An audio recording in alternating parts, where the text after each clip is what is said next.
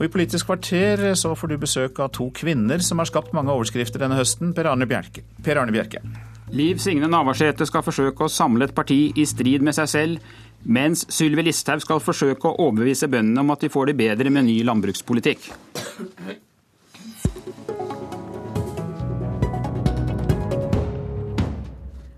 Hun blir beskyldt for å være lite synlig, for ikke å mestre TV-debattene, og hun får ansvaret for at partiledelsen ikke klarer å trekke i samme retning. Hvor mye juling tåler du egentlig, Liv Signe Navarsete?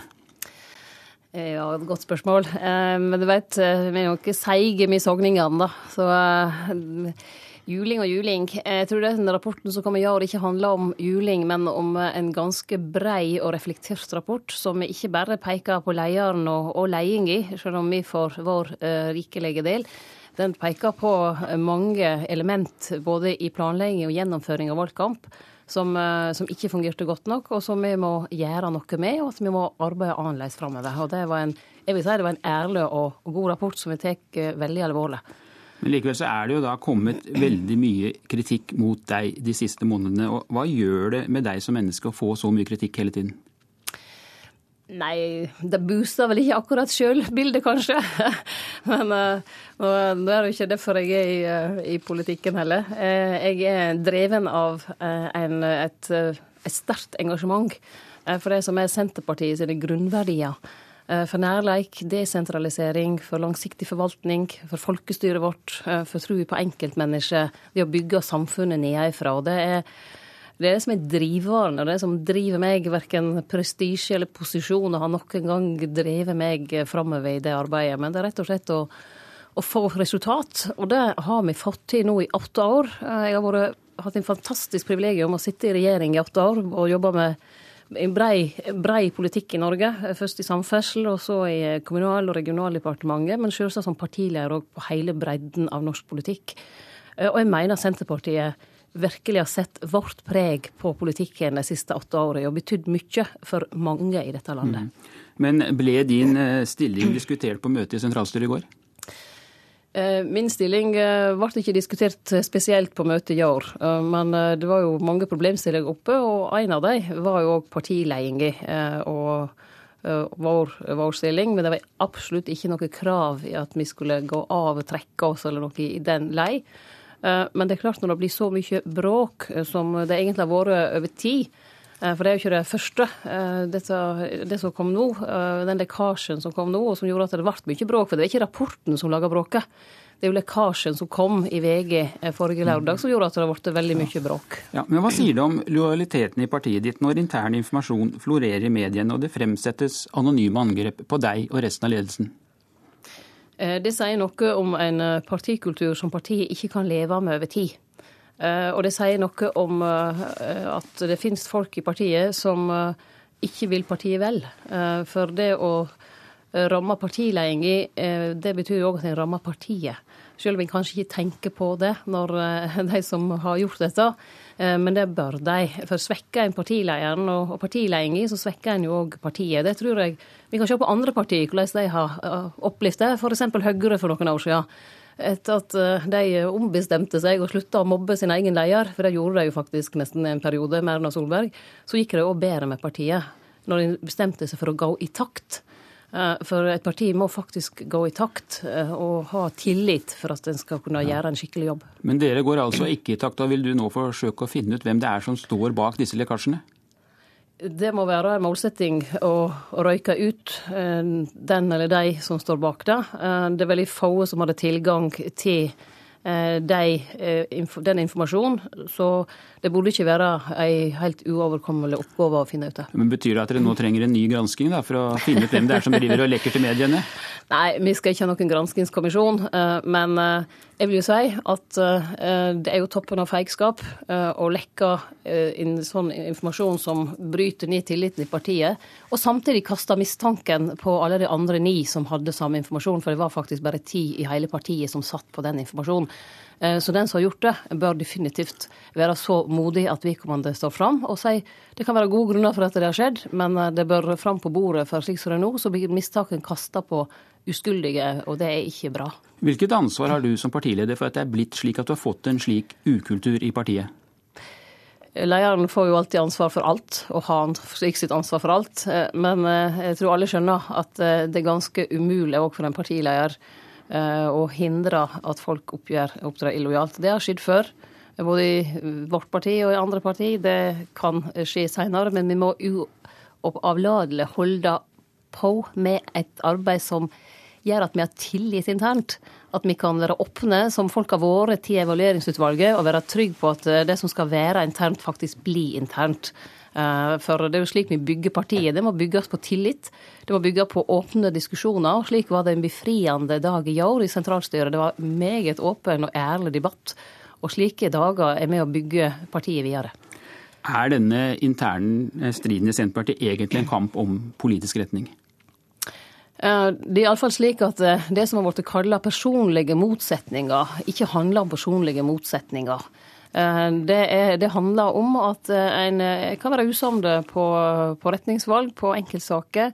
Og at det kanskje ikke alltid har blitt håndtert godt nok. Og der må jo jeg ta min del av ansvaret på det. For jeg er leder, og jeg har et ansvar for å sikre at prosessene går godt nok, uansett hva, eh, hva nivå vi er på i partiet.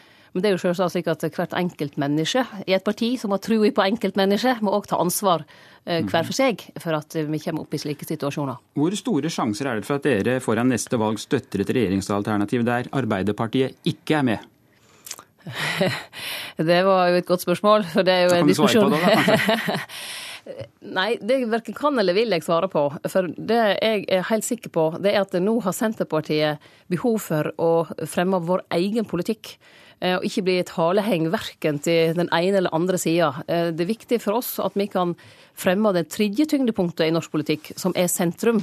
Eh, og at sentrum ikke skal være haleheng verken til høyre eller venstre, men et selvstendig grønt alternativ som er opptatt av, av utjamning, som er opptatt, opptatt, av desentralisering, og som vil sikre at vi kan ta hele landet i bruk. Og da er det flott at vi kan beholde prosenttollen, landbruksminister, som kom inn nå. For det vil jo hjelpe til med at vi iallfall kan ha melkeproduksjon og kjøttproduksjon matproduksjon i, i hele landet framover, hvis du sikrer en god landbrukspolitikk og på andre områder. Ja. Takk skal du ha, Liv Signe Navarsete. I dag tar Stortinget julefri, og du får noen dager velfortjent ferie. Og som du sier, det er ikke bare du som har stått i stormen denne høsten, for det er også blåst friskt rundt vår neste gjest. Velkommen til Politisk kvarter, landbruksminister Sylvi Listhaug. Tusen takk for det. I går bestemte Venstre seg for ikke å støtte regjeringens forslag om å legge om ostetollen. Bøndene er fornøyd, men det er kanskje ikke du?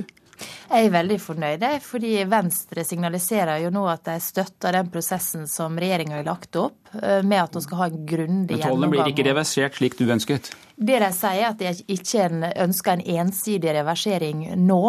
Men de ønsker det som regjeringa har lagt opp, nemlig en grundig prosess der vi skal utrede en rekke spørsmål. Eh, og der vi skal ha dialog med de berørte partene som har interesse i saka. Så vi kommer til å ha nær kontakt med Venstre i tida framover, før vi legger fram et forslag for Stortinget eh, om en omlegging av ostetollen. Eh, denne saken dreier seg om å beskytte norske melkeprodusenter. Hva tror du blir konsekvensene for norske melkeprodusenter hvis pizzabakeriene på Vestlandet skulle begynne å importere billig ost fra Tyskland? Nei, det, vi skal jo nå gå gjennom dette her veldig grundig og lage en god utredning på det. Vi er jo opptatt av at vi skal ha en sterk eh, sektor i Norge som produserer mat. Eh, men vi er samtidig opptatt av at forbrukerne skal få et eh, godt vareutvalg, og at vi skal eh, ha en, en, en sektor som, som, gjør at vi har et rikt vareutvalg i butikkene. Jo, men Hvordan skal du klare å få til det å drive matproduksjon på våre breddegrader uten tollsatser som beskytter landbruket mot billige importvarer, f.eks. fra Tyskland, fra Danmark, hvor vi vet at f.eks. ost produseres mye billigere enn i Norge? Ja, Når det gjelder importvernet, så må vi se det i sammenheng med andre deler av landbrukspolitikken. Og det er jo sånn at Landbrukspolitikken er et av de områdene sånn internasjonalt som har mest beskyttelse. Sånn som du er imot, egentlig?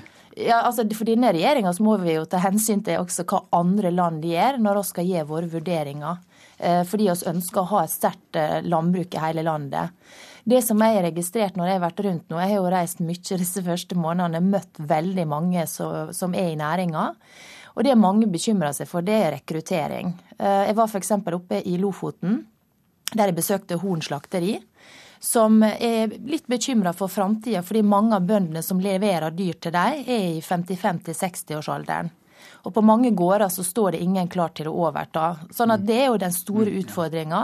At hvis vi ikke greier å rekruttere, så vil også næringsmiddelindustrien forsvinne jo, mange steder. Men så foreslår altså du å fjerne priskontrollen på kjøp av landbrukseiendommer, og i regjeringserklæringen har dere varslet at dere også ønsker å oppheve bo- og driveplikten.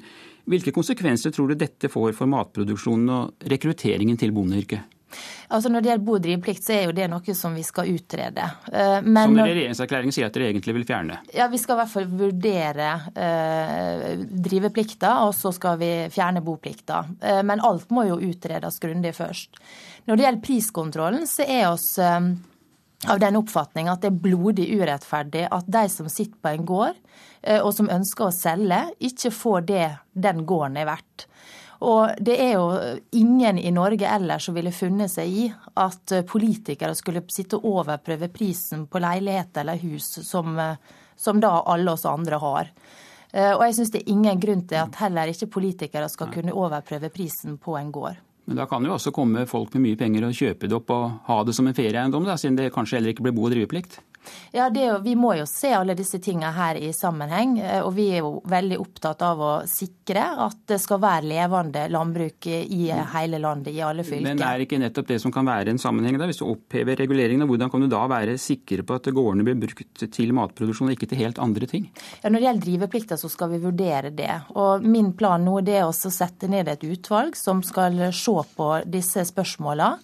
Eh, utrede dem grundig og komme tilbake til oss med gode råd på hvordan det kan gjøres på en måte som gjør at vi sikrer norsk landbruk eh, også framover. Så det du sier er at her driver, dere utreder og vurderer inntil videre, men du har ikke tatt helt endelig standpunkt, eller du vet ikke helt hva dette vil føre til? Altså, Jeg er jo veldig opptatt av at vi skal ha grundige prosesser og, og gjøre et grundig arbeid før vi legger fram forslag for Stortinget. Eh, det har vi tenkt å gjøre også i denne saka her. Men det som er viktig for denne regjeringa, og som vi signaliserer veldig sterkt i vår eh, politiske plattform, det er at vi ønsker å styrke eiendomsretten til bøndene. Og syns at det offentlige, staten og kommuner har fått styrt altfor mye, både hva eiendommene skal brukes til. Eh, og, og hvordan han kan drive gården sin. Og Det er noe som vi har tenkt å gjøre noe med. Fremskrittspartiet har gjennom mange år argumentert for å kutte ned på overføringene til jordbruket. Hvor store nedskjæringer regner du med å få til når du nå går i gang med budsjettet for 2015? Det første budsjettet som du får ansvaret for. Nei, Nå skal vi gå veldig grundig gjennom jordbruksavtalen. Eh, en av de tingene som vi skal eh, sørge for, er å få ned antallet støtteordninger. Eh, så må vi selvfølgelig også se på hva som er mulig å få til av innsparinger, fordi at vi skal ha et flertall i Stortinget. Eh, det som jeg syns er det viktigste framover, det er å sørge for økt lønnsomhet i næringa. Da handler det om å se på f.eks. konsesjonsgrenser. Det handler om å se på hvordan vi kan legge bedre til rette for at eh, de som driver, kan utnytte gården sin på en bedre måte. Så disse tingene må ses i sammenheng. Men forsøk å gjøre dette litt konkret, Sylvi Listhaug. For du kommer selv fra et typisk distriktsgårdsbruk, til og med odelsjente, så vidt jeg vet. Og dere mottar da direkte støtte i form av produksjonstilskudd. Hvor store nedskjæringer i produksjonsstøtten må denne type bruk forberede seg på? det som jeg er opptatt av, er at vi skal ha et landbruk i hele landet. Og da er det klart at det, på Vestlandet så vil det være vanskelig å få de største brukene. På Jæren derimot så er det kan han legge til rette for at de kan bli større enn det konsesjonsgrensene ligger i dag. Små... I Nord-Norge så har en andre utfordringer. sånn at Det som jeg er opptatt av, er jo å legge til rette for en politikk som gjør at vi skal ha landbruk i hele landet. Eh, og Da er vi nødt til å se grundig på alle ordninger. Jeg mener jo det at bøndene i dag eh, har nødt til å tjene mer. Altså Det er jo en av grunnene til at vi sliter med rekruttering. Mm. fordi Hvis en ungdom skal velge mellom å reise til Nordsjøen og tjene minst en halv million, eller ta over en gård og tjener det halvparten, så er det jo ikke tvil om hva mange velger. Så vi er nødt til å få opp lønnsomheten. Men det handler ikke bare om overføringer fra staten. Det handler om muligheter til å utvikle eiendommen sin og til å produsere eh, er, mer. Er det mulig å drive små gårder på Vestlandet uten produksjonsstøtte fra staten? Nei, det er jo ingen som har sagt at ikke han skal få produksjonsstøtte. Det vil jo være et, eh, en jordbruksavtale videre, med penger og støtte fra staten. Eh, størrelsen på den må se på. Men det viktigste for å sikre landbruket i hele landet, sikre at vi har næringsmiddelindustri, at vi har slakteri, meieri rundt omkring i landet, det er å sikre at vi har bønder som har dyr eh, og, og som produserer melk osv. I dag kommer Sivilombudsmannen med sin vurdering av hemmeligholdet av dine hemmelige kundelister. Frykter du avgjørelsen? Nei, altså nå er jeg selvfølgelig spent på hva Sivilombudsmannen kommer med, men det har vært en sak som tok veldig mye tid i starten. Eh, og så er jeg jo glad for at jeg etter noen uker fikk tid til å drive med politikk og sette meg inn i det området som jeg har ansvar for, og som er kjempespennende. Takk skal du ha for at du kom hit til Politisk kvarter, landbruksminister Sylvi Listhaug. Jeg heter Per Arne Bjerke.